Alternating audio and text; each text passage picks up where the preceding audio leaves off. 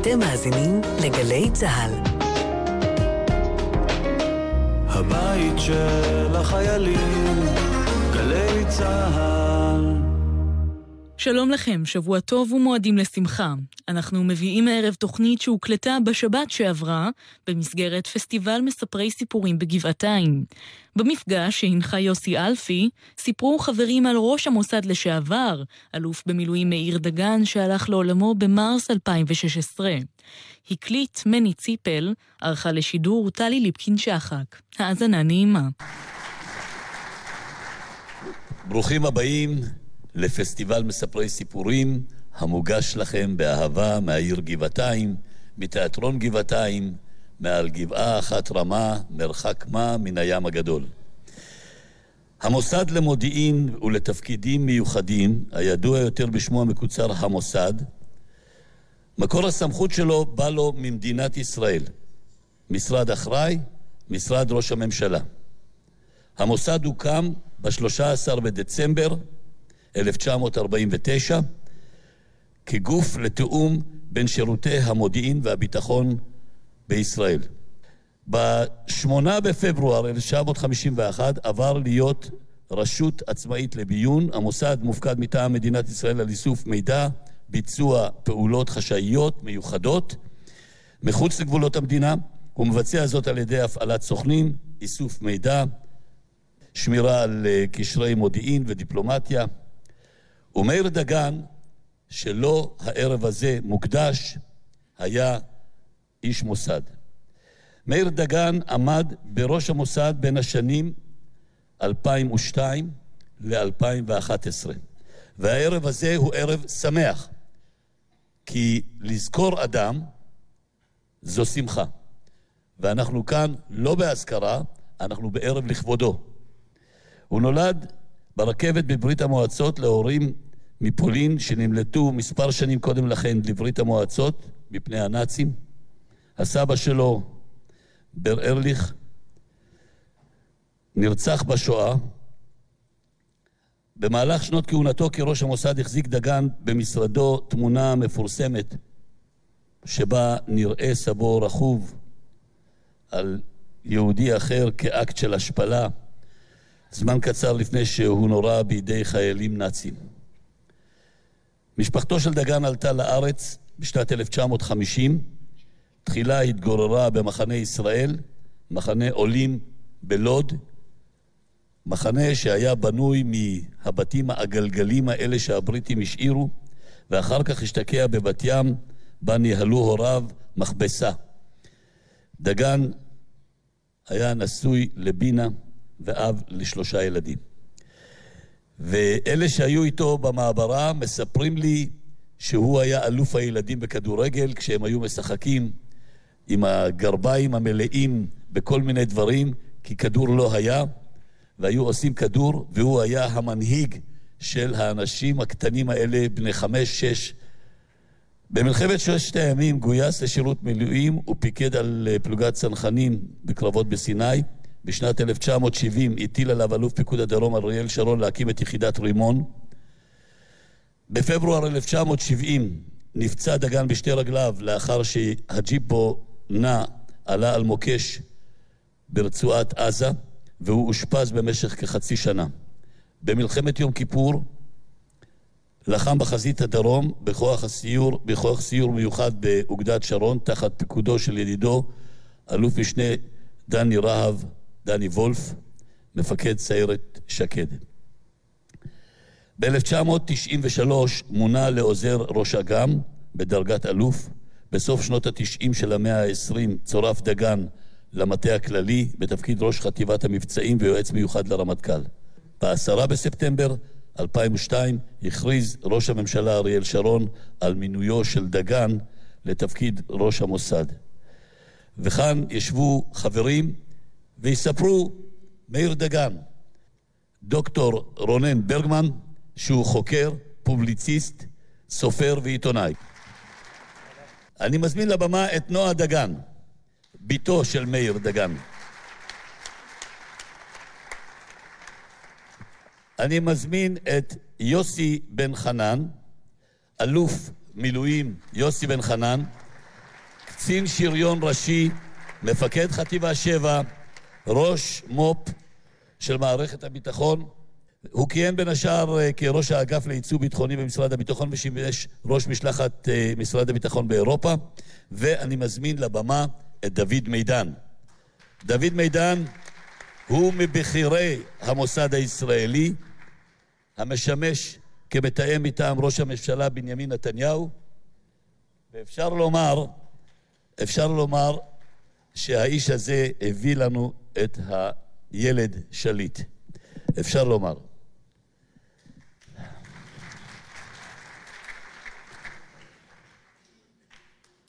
אני מזמין לבמה את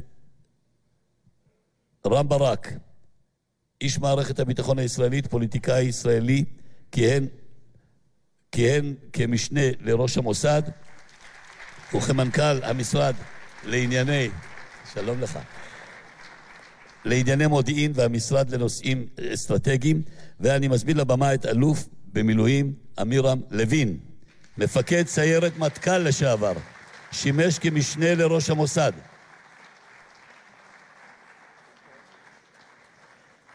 אני מזמין לבמה את סימה שיין.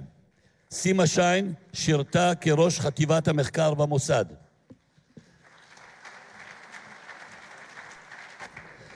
רונן, קח מיקרופון. יש, אה, רואים את uh, מאיר דגן קשור מאוד לאיראן, ואם היית צריך לתאר את תפיסת הלוחמה של מאיר, מנקודת ראותו של אזרח, כן? לא מנקודת ראותם של אלה שבאמת היו איתו, ואולי מתוך זה שהם קרובים כל כך אליו, לא רואים את מה שאתה רואה. איך היית מגדיר את זה?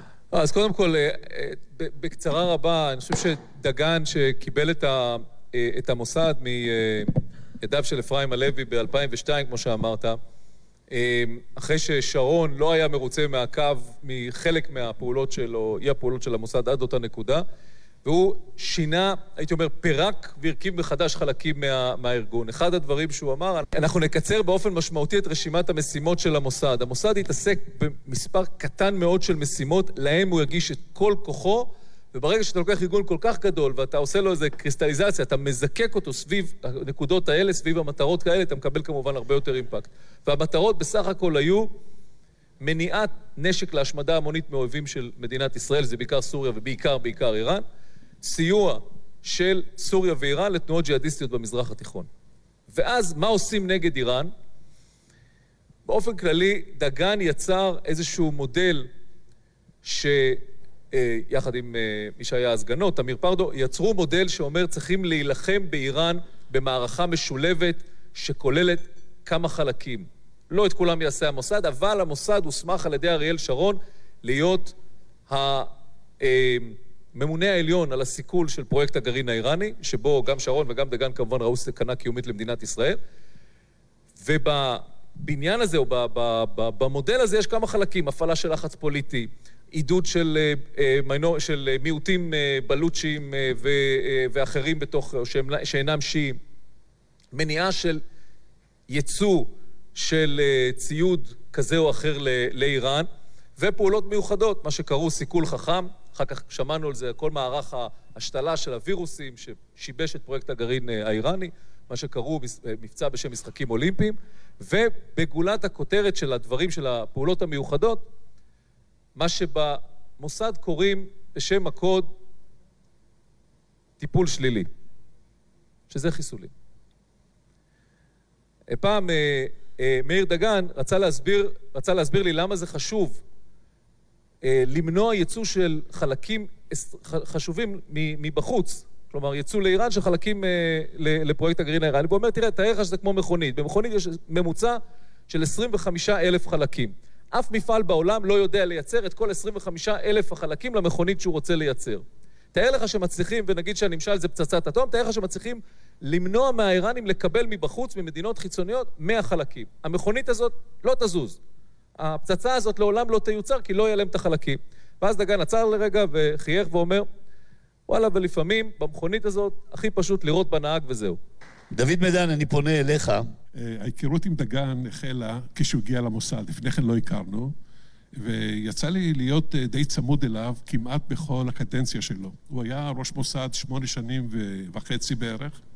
הוא הגיע למוסד כאדם לא בריא, הוא הגיע בנכות של 100%, עם מגבלות פיזיות לא קלות, והדבר שהדהים בהתחלה, עוד לפני המבצעים, מה שהדהים זה החריצות שלו והעובדה שהוא פשוט לא ויתר לעצמו אף פעם. אני אסביר למה הכוונה. הוא מעולם לא יצא לחופשה בכל שמונה, שמונה השנים וחצי שנה שהיה ראש מוסד. הוא לא יצא לחופשה ובילו לו יום אחד. היו חגים, היו שבתות, אבל חופשה הוא לא יצא. כשנוחתים בחמש לפנות בוקר, חוזרים מטיסה, בשמונה בבוקר הוא עבר מנהל דיון.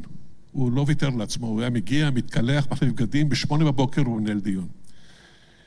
מעולם, מעולם הוא לא קיטר ולא התבכיין ולא ביקש על זה שיש לו מגבלות פיזיות, קושי של הליכה. היה לו סיוט ללכת בשדות תעופה, בטרנזיטים, זה היה לו קשה מאוד עם הדברים האלה. מעולם הוא לא ביקש הנחות שיקחו אותו במכונית או על כיסא כזה, כיסא אחר. הוא פשוט היה איש קשוח עם עצמו, קשוח עם סביבתו, והוא עשה הכל בצורה, הייתי אומר, הקפדנית ביותר, היסודית ביותר. הוא לא ויתר על פרטים, והיכולת שלו ללמוד נושאים הייתה מופלאה. הוא, בבסיסו הוא היה איש אשכולות, הוא היה בור סוד, בתחומים מסוימים הוא היה ידען גדול, היסטוריה, הוא היה ידען, גיאוגרפיה, ידען, מוזיקה. וכל המטענים האלה שירתו אותו מאוד במפגשים שהשתתפנו בהם עם ראשי מדינות, ראשי ארגונים. הוא הקסים אותם והלהיב אותם והדהים אותם במטען הגדול שלו. על המטען הזה גם הוא היה עושה הכנה קפדנית ללמוד את הנושאים עליהם הולכים לדבר לפני הפגישה. והמכלול הזה שהיה בתוך דגן, מגיע לפגישה, הוא היה תמיד מנצח.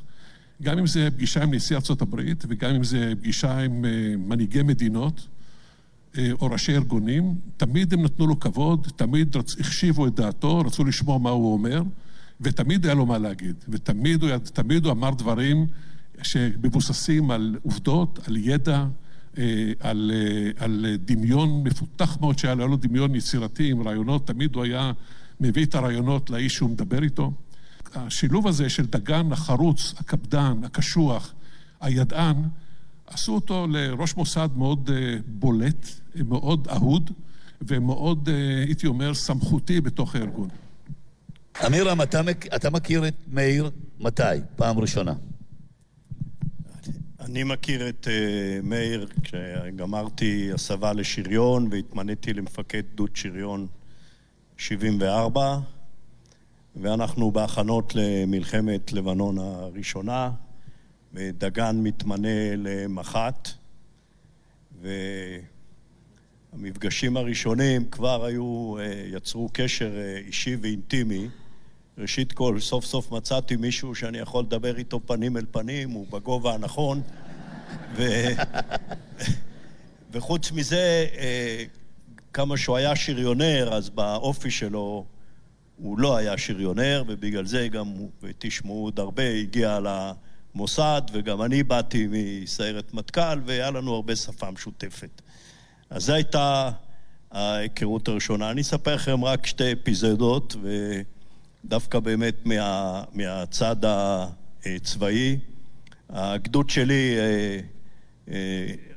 סופח לחטיבת גולני, והוביל אותה בעצם ברוב שלבי המלחמה, ואני מוצא את עצמי בתוך מחנה פליטים ענק עין אל-חילווה, נלחמים יומיים שלמים, ובסך הכל עושים את העבודה. אני לא אוהב להגיד נלחמים קשה, המנוולים ירו די מדויק, אבל הסתדרנו עם זה, ואז התקבלה הודעה להתפ... להתפנות לאחור, כי הם מרימים ידיים למרות שהם המשיכו לירות והכול.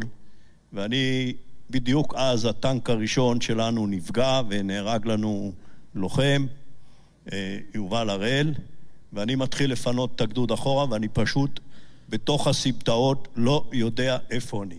ומתחיל להסתכל ולארגן, והכי חושש שלא יאבדו לי החיילים ולא יהיה לי אה, עוד נפגעים, ואז פתאום בקשר אני, לי קראו זלזל, קודקוד זלזל, כאן עשרים של אחווה, אני רואה אותך, ומעכשיו אני אכוון אותך. הוא בכלל היה בגבעה אחרת, ומסתבר שהאזין לגדוד, ובקולו הבוטח אמר לי, תיסע לפה, תזוז לפה. וזה היה מפגש ראשון במלחמה. והקטע השני, סיפור הידוע שהגענו למבואות ביירות על האזור ששולט שם, שנקרא כפר סיל, והיה שם קרב קשה מאוד לחטיבה 188, ואני האזנתי לדגן, ואני כאמור הייתי עם גולני. באיזשהו שלב אני כבר שומע את דגן עייף ודי עצבני, והבנתי שיש בעיות וקיבלו החלטות לסגת ולחלץ, ואז הגעתי אליו. עכשיו, דגן היו לו תקופות, אתם יודעים, לפעמים הוא היה בקושי נכנס לצריח של הטנק, הוא היה כזה גדול, ולפעמים עם המחטים הסיניות הוא היה נכנס בקלות. בתקופה הזאת הוא היה נכנס בקושי. והגעתי אליו וניתחנו את המצב, ובסוף הגדוד שלי כבש את כפר סיל ונגמר, ופינינו את הנפגעים, והיה קרב די קשה, ו... וסילקנו שם את כל החטיבה הסורית וכולי, ואז נהיה שקט, ואני בטנק ומחלק פקודות ומודה לחיילים שהם היו בסדר, ואז אני מרגיש מכה על ה... על הכובע מאחורה, אני מסתכל אחורה וזה דגן. ובא, אומר לי יפה מאוד, אבל הוא אומר לי, לא גמרת את המשימה. אני אומר לו, מה קרה? אני אומר לו, אין פה אף אחד חי, אין פה שום דבר, כל הטנקים של הסורים בוערים. אז הוא אומר לי, לא, יש קבוצה של קצינים שברחה. דגן תמיד ידע, היה לו מודיעין והכול. הוא אומר לי, הם בבית ספר של הכפר הרמון, מסתתרים, בוא נלך. צריך לחסל אותם, הם פגעו בחיילים שלנו והכול. אני אומר לו, בסדר, בואו ניקח פלוגה, נתארגן. לא, הוא אומר לי, אתה ואני. הוא היה אמיץ, עכשיו מה אני אגיד לו, שאני פוחד? אז אני אומר לו, הוא אומר, אתה ואני, אנחנו בסדר. ואנחנו הולכים, יצאנו עם ג'יפ קצת וירדנו, מקשיבים, ובאמת שומעים קולות. ומתחילים לרדת במרתף של הבית ספר למטה, והקולות מתחזקים. זהו, ואז פתאום אנחנו רואים באמת חייל סורי עם נשק, ונכנסנו פנימה באש, ושנינו חזרנו. אז זה המפגש השני. דגן היה לוחם מכף רגל ועד ראש. זה הדבר העיקרי. והדבר החשוב הוא שלוחם ואומץ זה לא נובע מרוע ומאכזריות ומתאוות חיסול, אלא זה נובע מהאחריות האדירה ומהעובדה שאין לך ברירה. וככה אה, הדברים התגלגלו. לימים, ובזה אני אסיים, אה, אני החלפתי את דגן כמפקד החטיבה, ודגן התמנה למפקד דרום לבנון. והיו הרבה פיגועים של שיעים קיצוניים, ואני גם בעוונותיי הייתי חבלן, ודגן היה מתקשר אליי ואומר לי, לנו היה קוד. הוא אומר, אנחנו לא הורגים ואנחנו לא מחסלים, גם המוסד לא מחסלים. אנחנו מסדרים להם פגישות עם הבתולות. מתאמים את הפגישות. זה היה לנו קוד, הוא, אומר, הוא היה אומר לי, יש פגישה, וצריך לעזור. ואז היינו קובעים במפקדה במטולה, במשטרה, הוא היה מביא מרצדס, והיה אומר לי, אמירם, תמתקן אותה ככה שהיא צריכה לעשות את זה ואת זה ואת זה, ואחרי שבוע היינו קוראים בעיתון מה קרה. אז זה האיש, רב תחבולות, לרגע לא מוריד את העין ואת המוח ואת זה מהמשימות ומהמטרות, וככה נהיינו חברים לכל אורך הדרך. יוסי, במילה אחת, הערה אחת על שני הדוברים עכשיו. דוד מידן הזכיר את דגן ואת תכונותיו. אחד הדברים שדגן שינה במוסד הייתה תפיסה אחרת של המזרח התיכון. הוא הבין שאולי באופן גלוי הרבה מאוד מדינות וארגונים מגנים את ישראל, מצביעים נגד ישראל באו"ם ועושים עוד כל מיני דברים כאלה, אבל בעצם כשאתה בודק את זהות האינטרסים להרבה מאוד גורמים סונים מתונים, מדינות וארגונים, בעצם סט האינטרסים שלהם מאוד דומה לזה של ישראל. שונאים את משטרו של אסד, מתעבים ארגונים ג'יהאדיסטיים כמו, כמו החמאס ופוחדים יותר מכל, אולי יותר מאיתנו, מהחשש שלאיראן תהיה פצצה גרעינית. ובעצם דגן, אגב, בניגוד לאופוזיציה פנימית די אה, רצינית בתוך הארגון, אמר, אנחנו נפתח את הארגון לשיתוף פעולה עם מי שיכול לסייע לנו, שרואה את המזרח התיכון באותו דבר. לא רק ארצות הברית, לא רק השותפים המובנים מאליהם, לא רק בריטניה, לא רק אה, צרפת, אלא גם שותפים סונים מתונים בתוך המזרח התיכון. וחלק גדול מההצלחות שאחר כך יוחסו בתקשורת, הכל פה זה על פי תקשורת זרה, אתה יודע, זה, אנחנו לא מעצמנו, רק על פי פרסומים זרים.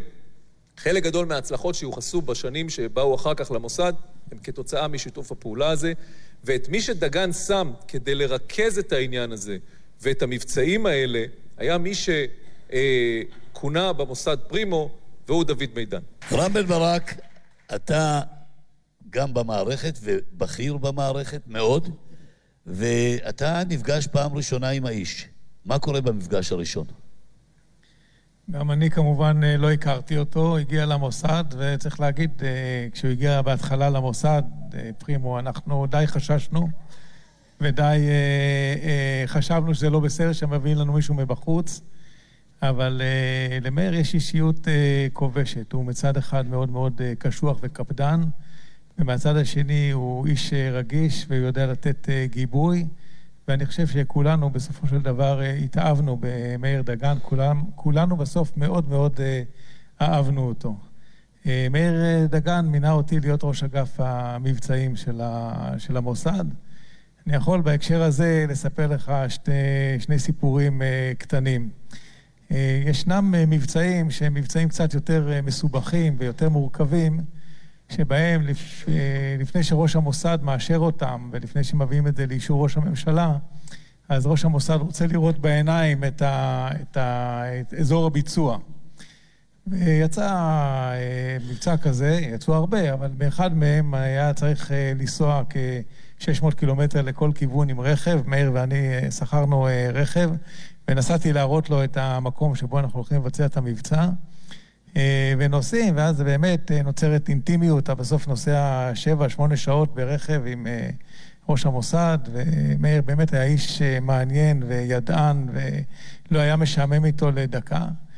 בשלב מסוים, בדרך חזרה, אחרי שראינו את המקום, והוא אישר את, ה... אישר את התוכנית, אני הייתי צריך לעשות את צרכיי, וביקשתי, בדיוק הוא נהג, החלפנו בנהיגה, ביקשתי ממנו לעצור בצד כדי שאוכל לעשות את אה, צרכיי. אבל אני מכיר את מאיר, הוא שובב לא קטן, למרות שהוא ראש מוסד. ואני ידעתי שהוא יעשה איזשהו תרגיל, ולכן הקפדתי לקחת איתי את הדרכון ואת, ה... ואת הכסף ואת כל הדברים שבן אדם זקוק להם אי שם, אה, אם הוא נשאר לבד. וכמו שאני אה, יורד מהרכב ומתרחק חמישה-שישה מטר, אני שומע חריקת צמיגים הרכב נעלם עם אה, אבק, כי זו הייתה גם אה, דרך לא סלולה.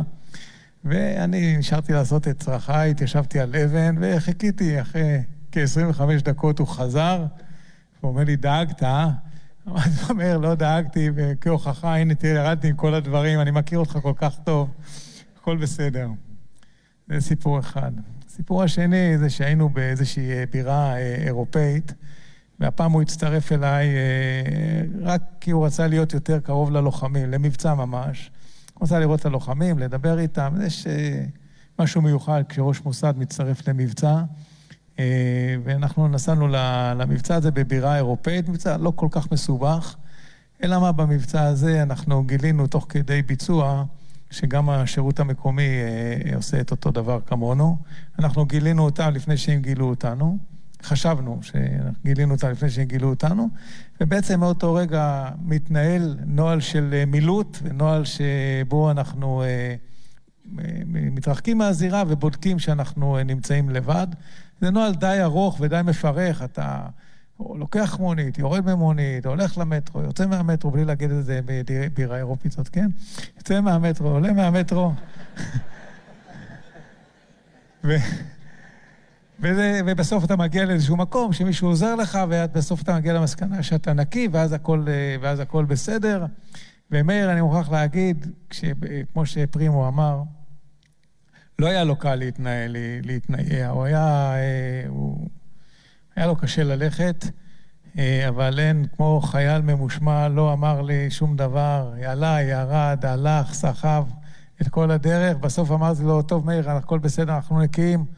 הוא אמר לי, ידעתי את זה מההתחלה, אבל לא רציתי לקלקל לך. כן, רם בן ברק. סימה, אני מגיע אלייך. מה את עושה במוסד? אני בכלל מייצגת פה בפאנל משהו אחר, לא מבצעים, אני דווקא במודיעין ובמחקר, ואני אה, הייתי צריכה, באיזשהו שלב צריכה לבחור ראש חטיבת מחקר, היו כמה אנשים שאני בתוכם שחשבנו שאנחנו מתאימים לזה, וכל אחד הייתה לו פגישה אישית עם ראש המוסד, כמו ש... ויציג את עצמו. אני נכנסתי לפגישה, ואני אומרת לו, תקשיב, אני מצטערת, אבל אני לא יודעת טוב לדבר על עצמי. אז אני באמת לא יודעת מה להגיד לך. אז הוא ככה מסתכל עליי. אומר לי, תראי, את רוצה את התפקיד? אמרתי לו, כן, בשביל זה אני פה. הוא אומר, אז יש לך 25 דקות לדבר על עצמך, ואם לא תצליחי לדבר 25 דקות, אז את לא תהיי בתפקיד הזה. אז אה, אחר כך דיברתי יותר מ-25 דקות. אז זה הדרך שלו לפוגג את המתיחות ואת החשש אה, בפגישה הזאת. אבל אני רוצה להגיד, אה, כמו שהמבצעים חששו כשמאיר הגיע, כי הגיע מישהו מבחוץ, פחות מוכר, אני יכולה להגיד שבמחקר הייתה פאניקה. אה, אמרו, הנה הגיע איש המבצעים הזה, הדבר הראשון שהוא יעשה, הוא יחסל את המחקר המודיעיני, הוא ייקח את האנשים הטובים שיושבים שם וישים אותם במקומות אחרים. אנשים ממש היו אה, בטראומה. אבל אה, המציאות הוכיחה, והוא הזכירו פה את מאיר, שהוא אהב היסטוריה ולקרוא ספרות היסטורית, היסטוריה צבאית, והוא פשוט אהב את המודיעין. זה אחד הדברים המדהימים. מהר מאוד הוא הבין שהמבצעים זה דבר חשוב, אי אפשר בלעדיהם, והמודיעין שהמבצעים האלה מביאים הוא נורא חשוב, אבל בסוף, אם הוא רוצה לשחק במגרש של הגדולים, כלומר, ראש הממשלה והקבינט, הוא חייב לייצר הערכה אסטרטגית מדינית משל עצמו. אני חושבת שזה אחד הדברים המרתקים שהיה לראות באיזה מהירות הוא נכנס לתחום הזה. הזכיר פה דוד קודם איך אה, ראשי מדינה אהבו אותו ואחרים. בדרך כלל כשהיו פגישות בארץ, לכל אה, אורחים זרים שהיו מגיעים, הוא היה מצרף אותי מהמודיעין, שאני אהיה איתו בפגישה. ואני ראיתי איך אנשים פשוט לא רצו לגמור את הפגישה. אז מה אתה אומר על זה? מה אתה אומר על זה? שאלות שהן פוליטיות, מדיניות, אז מה אנחנו צריכים לעשות באיזה עניין? וזה פשוט היה מדהים לראות כמה הם חש... העריכו את מה שהוא אומר להם ואת הידע ואת הניסיון המצטבר שהוא מביא בפגישות האלה. סימה, את נוסעת איתו לוושינגטון עוד לפני הפצצת הכור הסורי. זו פעם ראשונה שאני מוציאה מהפה את המילים הכור הסורי, בגלל שאני חושבת שיותר מדי דיברו על זה, אני חושבת שהרבה מאוד דברים שנאמרו, חבל שנאמרו, אבל uh, once הם נאמרו, אז אני רק אספר uh, את, הצ... את הדברים שבצד, לא באירוע עצמו. Uh, נסעתי אכן עם מאיר דגן לפגישה שהוא נסע uh, בשליחותו של ראש הממשלה, לשמוע מהאמריקאים מה, למה הם החליטו לא לתקוף, ולהגיד להם שאנחנו החלטנו כן לתקוף. עכשיו, היינו חוץ ממאיר עוד שלושה אנשים, ראש הלשכה שלו ועוד שני אנשים uh, מהתחום המודיעיני. ונסענו לוושינגטון, הגענו ביום ראשון, זה היה יום שבדרך כלל לא עובדים, לכן ראש ה-CIA, שזאת הייתה הפגישה הראשונה, הגיע בצורה מאוד uh, ספורטיבית כזאת, לא חליפה ועניבה, כפי שהם הולכים בדרך כלל. ונכנסנו לחדר, מעט מאוד אנשים בצד השני ובצד שלנו, ושקט ממש מפחיד. זאת אומרת, כולם מבינים שמדברים פה על משהו מאוד מאוד רציני. ואנחנו, בדרך שאנחנו נוסעים לשם, אני אספר שתי אנקדוטות. אחת, אה, מרוב שאנחנו רוצים למהר, לא לאחר, מסתבר שאנחנו מגיעים שלושת רבעי שעה לפני הזמן, אין איפה להיות. אז אומר ראש הלשכה, בוא נאכל במקום שאתה תמיד אוכל. אה, אני אומרת לעצמי, איזה כיף, אני אוכל באיזה מקום טוב, ובאמת הייתי רעבה. אנחנו עוצרים על יד איזה מסעדת דרכים, דלי, לא רוצה להגיד מצ'וקמק, אבל די. מתיישבים, ואני חושבת, מה יכול להיות פה? הוא, מאיר ניגש, מזמין את הסנדוויץ' שלו, המסוים הזה, אוכל אותו, ואני מסתכלת ואני אומרת לו, תקשיב, אם האמריקאים עוקבים אחריך, ואתה כל פעם יושב פה ואוכל, ברור שיש פה סיבה, כי לא יכול להיות שראש מוסד לא יושב במסעדה מכובדת. הוא אומר, זה בעיה שלהם. וזה היה הבן אדם. הפשטות, תוך כדי האירוע באמת הייתי אומרת אה, בעל משמעויות אסטרטגיות גורליות, יכול היה להיות למדינת ישראל, ובוודאי פגישה יוצאת דופן. אז זה סיפור אחד, ישבנו בפגישה הזאת, ואמריקאים בזהירות, אבל בנחישות, בפגישה הזאת ובפגישה נוספת שהייתה אחרי זה עם מישהו יותר בכיר, אה, ניסו להבין ממנו מה תהיה השיטה שישראל תתקוף בסוריה. ומאיר, באותה זהירות ונחישות, כמובן לא אמר להם. וזה היה מרתק לשבת מהצד ולראות איך שני הצדדים בעדינות מגששים אחד אצל השני, אה, והוא לא אמר להם, ואז הם ניסו את הניסיון האחרון. ובאמת איש מאוד בכיר אמריקאי אמר לו, אנחנו עשינו חישוב באיזה מהימים בחודש הקרוב לא יהיה ירח, ואיך אפשר יהיה לפעול. אז זה הימים האלה והאלה, ממש אמר לו את הימים, והסתכל עליו לראות אם זה. אז מאיר אומר, זה ממש לא מעניין אותנו, הירח. והם עשו עבודה שלמה בשביל לנסות למצוא את הימים האלה של הירח, וכמובן זה לא מה שהיה, דברים היו אחרים לגמרי. אז זה אפרופו הכור. יוסי, רק אה, אולי לסגור את המעגל על הצד של ה-CIA, מייקל היידן, שהיה ראש ה-CIA באותה תקופה, והוא זה שהגיע לפגוש אתכם בבגדי ספורט של יום ראשון. אולי הדמות החשובה ביותר בעשורים האחרונים, קודם ראש ה-NSA וראש ה-CIA, מי שבעצם בנה את שיתוף הפעולה ביחד עם מאיר דגן, הביא את שיתוף הפעולה בין קהילת המודיעין של ישראל לזו האמריקאית לרמה הכי גבוהה שהיא אה, נמצאת בו אה, עד היום. והיידן מספר לי, קודם בא אליו דגן, בשלב הראשון בא אליו עם, לקומה השביעית במפקדה של ה-CIA, איפה שיושב אה, המנהל, עם התמונות שהמוסד, האגף, אגף המבצעים בפיקודו של רם בן ברק, השיג ממדען אה, גרעין סורי, התמונות שמוכיחות שהסורים בונים כור גרעיני שמטרתו להפיק אה, פצצה, לייצר פצצת אטום. ומאותה נקודה והלאה בעצם יש מבצעים מודיעיניים שמאשררים, האמריקאים בעצם מאשררים את המידע הישראלי, אבל מתחיל כאן איזשהו סוג של ויכוח, כי הישראלים בעצם מצפים מהאמריקאים שארצות הברית תתקוף, והאמריקאים, אומר לי מייקל עדן, האנליסטים שלי טענו שאם אנחנו נתקוף את אסד, הוא בגבו אל הקיר, לא תהיה לו ברירה, אחרי שהוא הושפל, נאלץ אה, שנה וחצי קודם לסגת מלבנון, לא תהיה לו ברירה, הוא יגיב במלחמה כוללת במזרח התיכון. ודגן, לעומת זאת, אמר לא, אני חושב שבגלל שאסד הסתיר את הקמת הכור, אפילו מהקרובים אליו ביותר, ומהרוסים, ומהוועדה הבינלאומית לאנרגיה אטומית, אם אנחנו לא נודיע שעשינו את זה, אם אנחנו לא נודיע שעשינו את זה, הסורים לא יגיבו. הוא ישתוק, כי, כי להגיב זאת בושה הרבה יותר גדולה. ואומר לי היידן בסיכום העניין, האנליסטים שלי ואני טעינו, דגן צדק. ומאותה נקודה והלאה, הוא מספר, לא רק שהוא התייעץ איתו על עניינים של מבצעים, אלא היו ישיבות של המועצה לביטחון לאומי, ה-National Security Council, שיושבת בבית הלבן, שהוא מדי פעם היה מפסיק אותם ואומר, רגע, אני צריך להתקשר לדגן בישראל, היה מתקשר אליו כדי לבקש את עצתו בשורה ארוכה של נושאים, לא כולם אה, קשורים לעבודה הרצופה של המוסד, עד כדי כך מעמדו היה רם ונישא בתוך ה-CIA. נועה, כששאלתי אותך איזה שירים אה, מאיר אהב, ואת ענית לי ישר, שירים רוסיים, כמובן.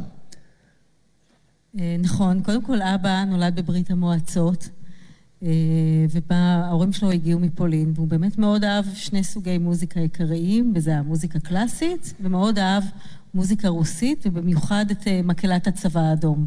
איך חיים בבית נורמלי, וכפי שאני הכרתי את הבית שלך, הוא בית נורמלי, בית נורמלי לחלוטין, עם, עם המון תרבות והמון ציורים על הקירות, ובית שאתה מרגיש בו הכי תרבות שיש. לא היית מאמין שכאן גר חייל, בטח לא גנרל, בטח לא כל הדימויים האלה שיש לדברים. איך חיים נועה עם אבא שלא נמצא בבית? אה, קודם כל, באמת היו חיים גם שלמים בלעדיו בבית, כי הוא רוב הזמן לא היה. אבל כשהוא היה, זה באמת הייתה חגיגה אמיתית. אה, כי הוא היה אבא מאוד לא שגרתי. כמו שהוא היה, כמו שהכירו אותו החיילים, הקצינים שלו, ואחר כך במוסד, הוא היה אבא לא שגרתי. קודם כל, טיילנו איתו בכל שלולית ובכל חור אפשרי. הוא אהב מאוד לקחת אותנו לעבודה שלו, והעבודה שלו זה, זה היה תרגילי חטיבה, תרגילי אוגדה. אה, היינו יושבים איתו בג'יפ. בוא נגיד, כשהגעתי כבר בצבא ולמדתי, הייתי מדריכת שריון ולמדתי קשר, אני את המצבים בקשר הכרתי. כי אני ודן היינו יושבים בג'יפ מאחורה ומשחקים בקשר. אה, הוא גם לקח אותנו איתו, הוא היה מפקד אזור דרום לבנון, ואם זאת העבודה שלנו, אז היינו איתו גם בדרום לבנון. אה, הוא לא פחד. היינו עוברים את הגבול, והוא היה עושה לנו תדריך. קודם כל, שכל הכפתורים, כפתורי הנעילה יהיו דווקא פתוחים, כדי שאם יקרה משהו, נוכל מיד לצאת. אה, היינו מבקרים בבית של חדד, שהיה חבר קרוב. סעד חדד, סעד חדד, הוא היה מפקד צבא, צבא חדד, מה שנקרא אחר כך צבא דרום לבנון. היינו מבקרים אצלו במרג' עיון בבית, אוכלים איתו ארוחת צהריים, ואחר כך חוזרים הביתה, כמו שנוסעים לחברים. שיחקנו בחצר, אפילו פעם אחת דן חתך את היד. ואבא שלי, ללא פחד, שלח אותו עם הנהג של חדד לצור למרפאה כדי שיטפלו לו בחתך. אמ, ובאמת, הוא היה מאוד, אני אומרת, לא היה שני מאיר דגן, היה מאיר דגן אחד. כמו שהוא היה בצבא, הוא גם היה בבית, אה, רק תורידו את המשמעת. הוא היה מאוד שובב, אה, עשה איתנו הרבה שטויות, אה, לקח אותנו בטנק, בנגמש, לירות באקדח. זה, אלה היו המשחקים איתו. והציורים שלו על הקירות, ממתי התחיל לצייר? קודם כל, אבא צייר כשהוא היה צעיר, גם כשהוא היה חבר של אימא. אה, אחר כך, במשך הרבה מאוד שנים לא היה לו זמן. אה, הוא חזר לצייר כשהוא השתחרר מהצבא. הוא החליט שהוא נורא רוצה לחזור לתחביב, הוא גם למד בתל חי. ואני אספר עוד סיפור קטן, שהוא התחיל ללמוד בתל חי, ציור ופיסול, אם פיסול היה לו קשה פיזית. אה, שאלתי אותו, אבא, מה זה המסלול שאתה לוקח בתל חי? זה מסלול, זה לימודים, זה תעודה, זה תואר? אז הוא אמר לי, מכיוון שאבא שלי אה, כבר מת ואין לי למי להביא תעודה הביתה, אז אה, לא שאלתי. אנחנו פשוט מציירים. ואז הייתה לו תקופה שהוא באמת צייר הרבה בקומה העליונה.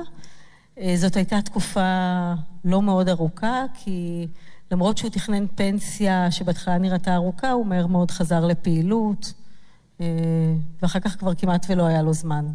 יוסי בן חנן, האנשים האלה, השניים, יצאו לטיול של שנתיים ביחד, כדי מה שנקרא לחגוג, לחגוג את סיום השירות שלהם בצבא. ואני רוצה להתחיל ברגע האחרון.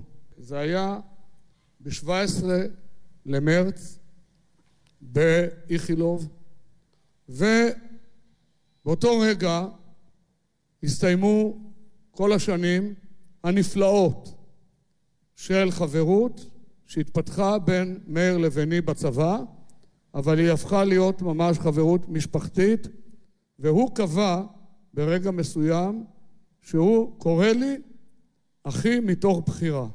הוא אמר לי, יש לי אח אלי בשיקגו, הוא אדם נפלא, הוא פרופסור, הוא היה במכון ויצמן ועכשיו הוא בשיקגו, הוא האח הגנטי שלי. אנחנו, יוסי, אחים מתוך בחירה. ועכשיו אני רוצה לומר לכם כמה דברים שקשורים בחברות ובדברים שנעשים לא רק במסגרות שכל החברים שדיברו קודם... יוסי, אתה מראה לנו גם את התמונות. אני אראה אותן. התמונה הראשונה. זה המפגש הראשון שלי עם דגן, על גמל ליד קנטרה כשהייתי מ"פ והוא היה התחלה של סיירת רימון. ובו לא נעשינו חברים. רק הכרנו. יצא לנו גם להיות ביחד בקרבות בלבנון, ושנינו היינו חברים במטה הכללי כאלופים בשנים מ-90 עד 94, ולא קידמו אותנו לתפקיד נוסף. זאת אומרת, לא קידם אותנו הרמטכ"ל של אז לתפקיד נוסף, וזאת זכותו, אבל אנחנו, אנחנו החלטנו שגם לנו בגיל 51, אחרי שהיינו כל החיים בביטחון, אני מהפנימייה הצבאית בגיל 16 ועד לגיל 51, אנחנו מגיע לנו חופשת שחרור, אבל רצינית. ואז יצאנו למה שקראנו מסע של אלופים, לא אלופים בצבא, אלא אלופי המסעות. מכיוון שנסענו על הג'יפים האלה שכאן קיבלנו בפרנקפורט, מפרנקפורט ועד בנקוק. ועכשיו תראה את התמונות ברצף עד שנגיע לווייטנאם.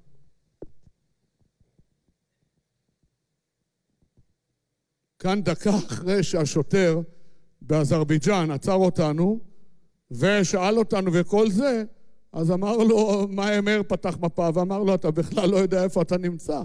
והראה לו איפה הוא נמצא. ואז המשכנו. כאן אנחנו בג'יפ הראשון תמיד, ואני מודה, הוא רוב הזמן נהג, ואני גם נמנמתי.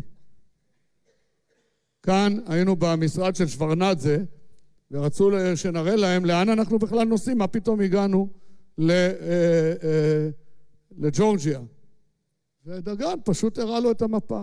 וחוויות כאלה היו לנו בלי סוף, וכמובן שאת רוב המסלול, במסלול הזה קבע דגן, כי הוויכוח שלנו היה או לנסוע לאסיה, או לנסוע מאלסקה לארץ האש. הקצבנו לזה שנתיים, בנסיבות עגומות זה נמשך רק שנה ושבעה חודשים, אבל 80 אלף קילומטר עברנו בשנה ושבעה חודשים. תחפשו בארכיון של מעריב, אני גם כתבתי על זה. נועם. קודם כל שכחתי להגיד שטיילנו עם אבא לא רק בארץ, אלא גם בעולם. אה, גם אני, גם דן, גם אימא הצטרפנו למסע שלו.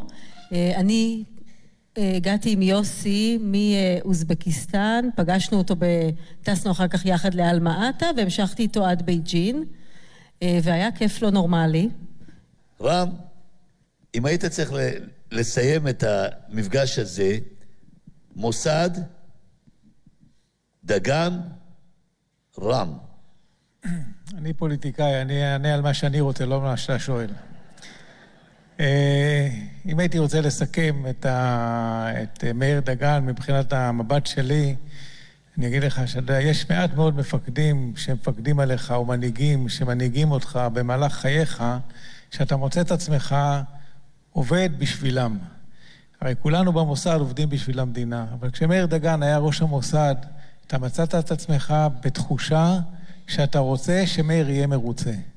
ואתה עבדת בשביל מאיר דגן. הוא הצליח, הוא הצליח לטעת בך את, אה, את אותה תחושה של אה, מנהיגות ושל, אה, ושל מישהו שהוא איתך לאורך כל הדרך, שגם אם אתה תטעה וגם אם אתה תעשה טעות, יהיה לך גיבוי מלא מראש המוסד, לא משנה שבתחקיר הוא יקרא אותך, אבל כלפי חוץ וכלפי מה שעשית, תקבל גיבוי מלא, ומאיר דגן היה מפקד כזה. אנחנו, בתקופתו של מאיר, עבדנו בשביל מאיר, כי אהבנו את מאיר והערכנו אותו מאוד מאוד, והערכנו בעיקר את, ה, את הראייה שלו, ש, ש, שהוא עובד לטובת משהו הרבה יותר גדול, שזה כמובן מדינת ישראל. רם בן ברק. כבודו.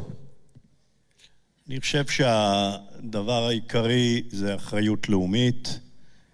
מאיר לעולם לא אה, כופף את הפעילות שלו, את המחשבות שלו, את העיסוקים שלו לצד האישי ותמיד נשאר באחריות הלאומית. אני אסיים בנקודה אחת, באחד המפגשים, אתם זוכרים שהיה ויכוח גדול אם לתקוף את הכור האיראני בפנים. ודגן היה מאוד מאוד מוטרד מהצמד הזה, אה, ברק וביבי. והוא החשיב אותי כמומחה למוח של אה, ברק, מה שאני לא כמובן, ושלח אותי אליו, ואמר לי, תברר ותחזור, תגיד לי מה יקרה.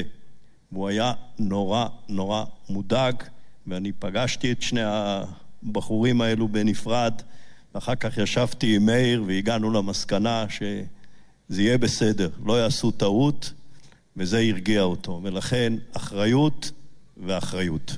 זה היה מאיר. אמירם לוין. סימה שיין. אני, אני רוצה לספר אה, שני סיפורים קצרים על איזה בן אדם הוא היה.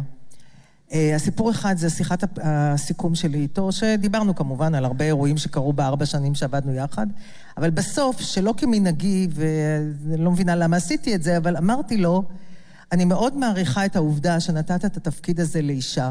זה לא דבר טריוויאלי ומובן מאליו. ומאיר הסתכל עליי ואמר לי, שלא תגידי את המשפט הזה יותר לעולם.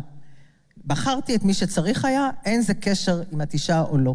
ואני חושבת שאין משפט יותר פמיניסטי ויותר נכון מלהתייחס ככה, ואפילו אחרי זה הרבה פעמים שאלתי את עצמי למה בכלל אמרתי את זה. הסיפור השני אה, שאני לא אשכח, וזה אה, ב-2015, במאי 2015, שלושת רבעי שנה בערך לפני מותו, היה סיפור המשואה, שכמה, אה, שנבחרתי להדליק משואה, וכמה אנשים במוסד חשבו שזה לא ראוי. ומאיר אה, הרים, והוא ידע שבאיזשהו יום שישי אחד יהיה משהו בתקשורת.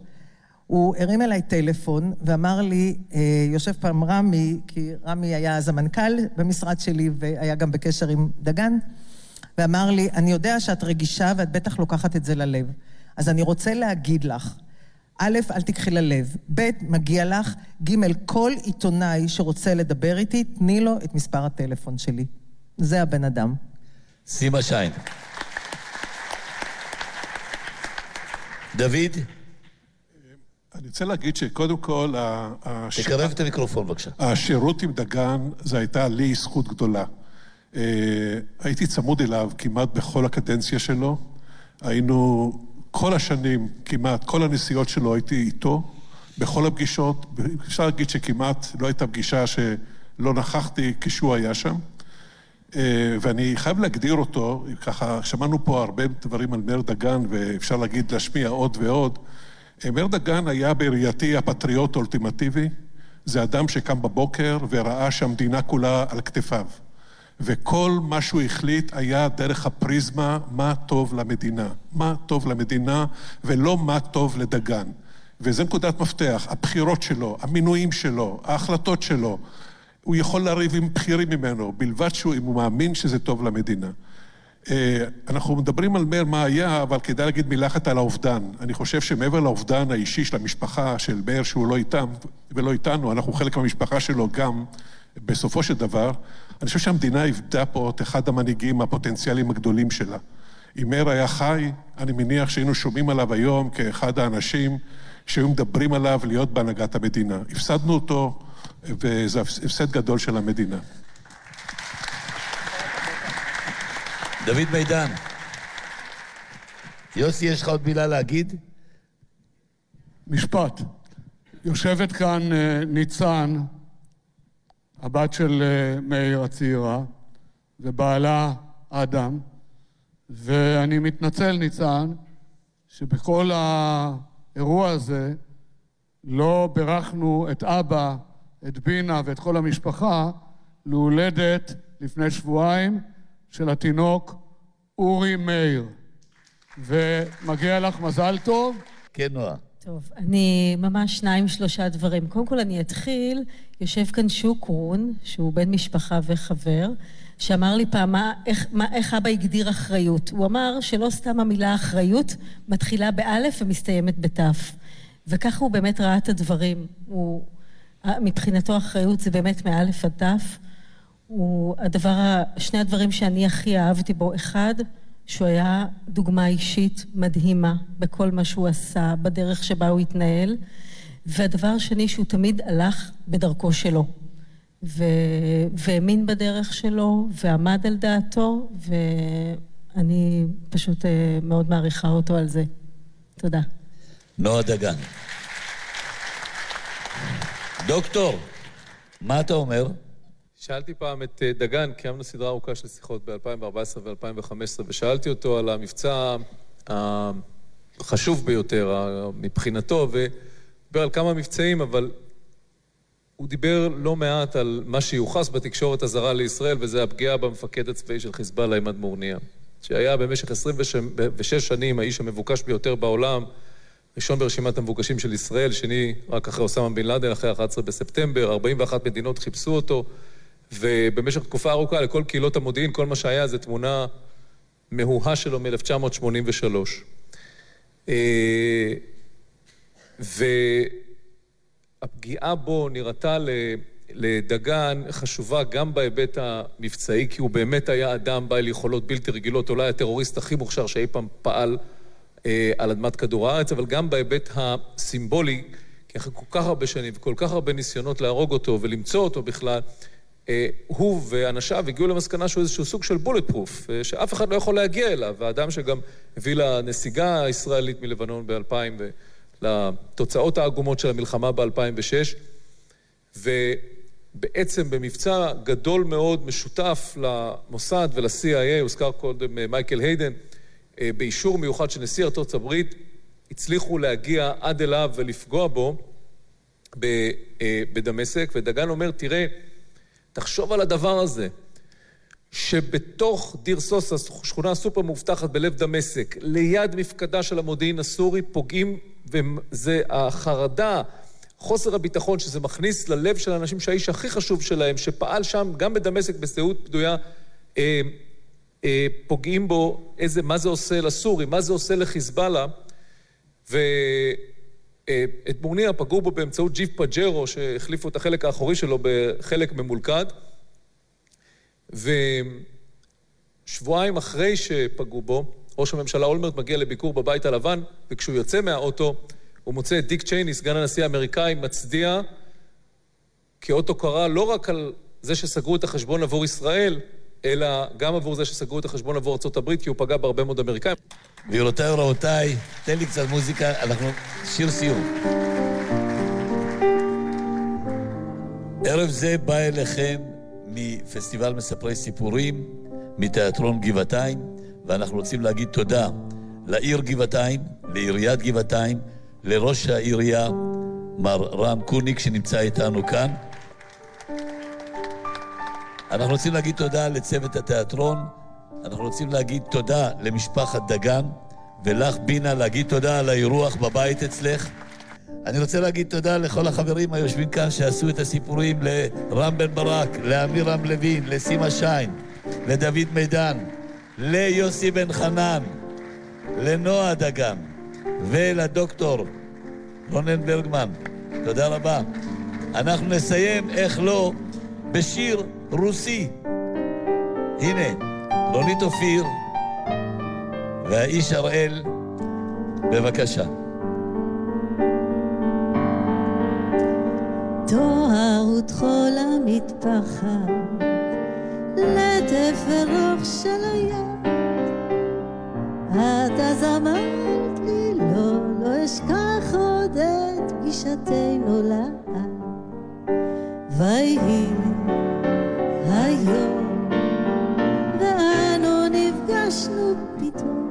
הבאנו את המפגש, חברים מספרים על מאיר דגן, זיכרונו לברכה, שהוקלט בשבוע שעבר במסגרת פסטיבל מספרי סיפורים בגבעתיים.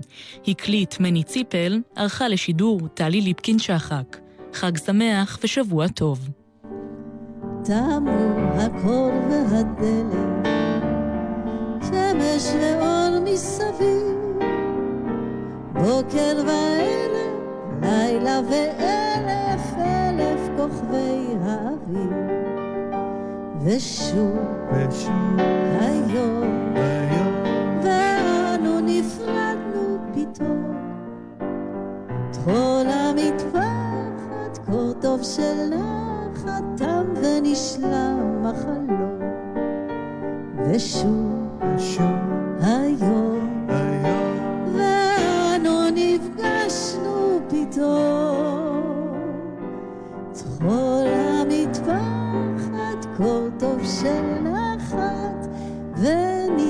ונתגשם החלום.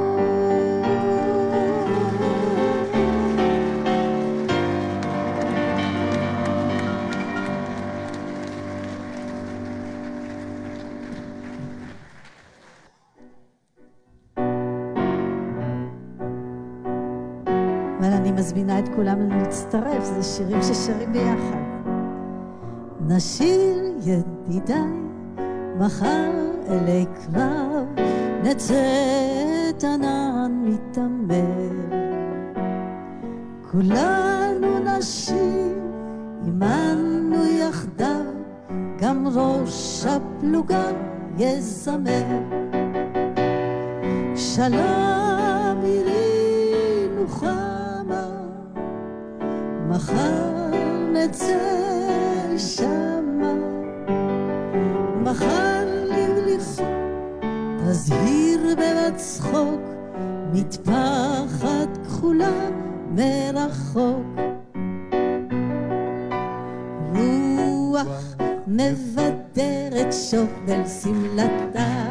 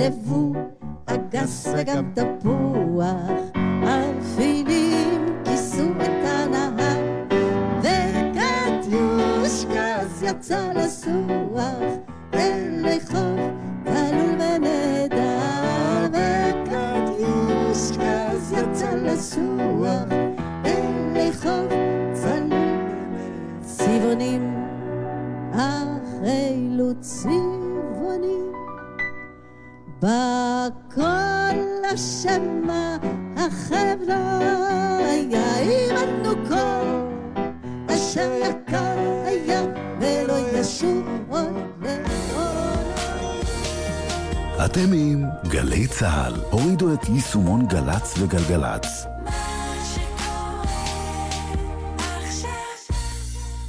המשפחתיפ, עצות משפחתיות לנסיעה בטוחה. שלום, כאן ניר ממשפחת רביבו, וזה המשפחתיפ שלנו. בדרך לנסיעה משפחתית לטיול או לחופשה, אנחנו מנצלים את זמן האיכות המשפחתי וממנים את מי שלא נוהג להיות אחראי לטלפונים הניידים.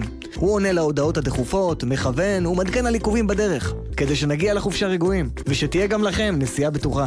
היכנסו לפייסבוק שלנו וספרו לנו על המשפחתיפ שלכם.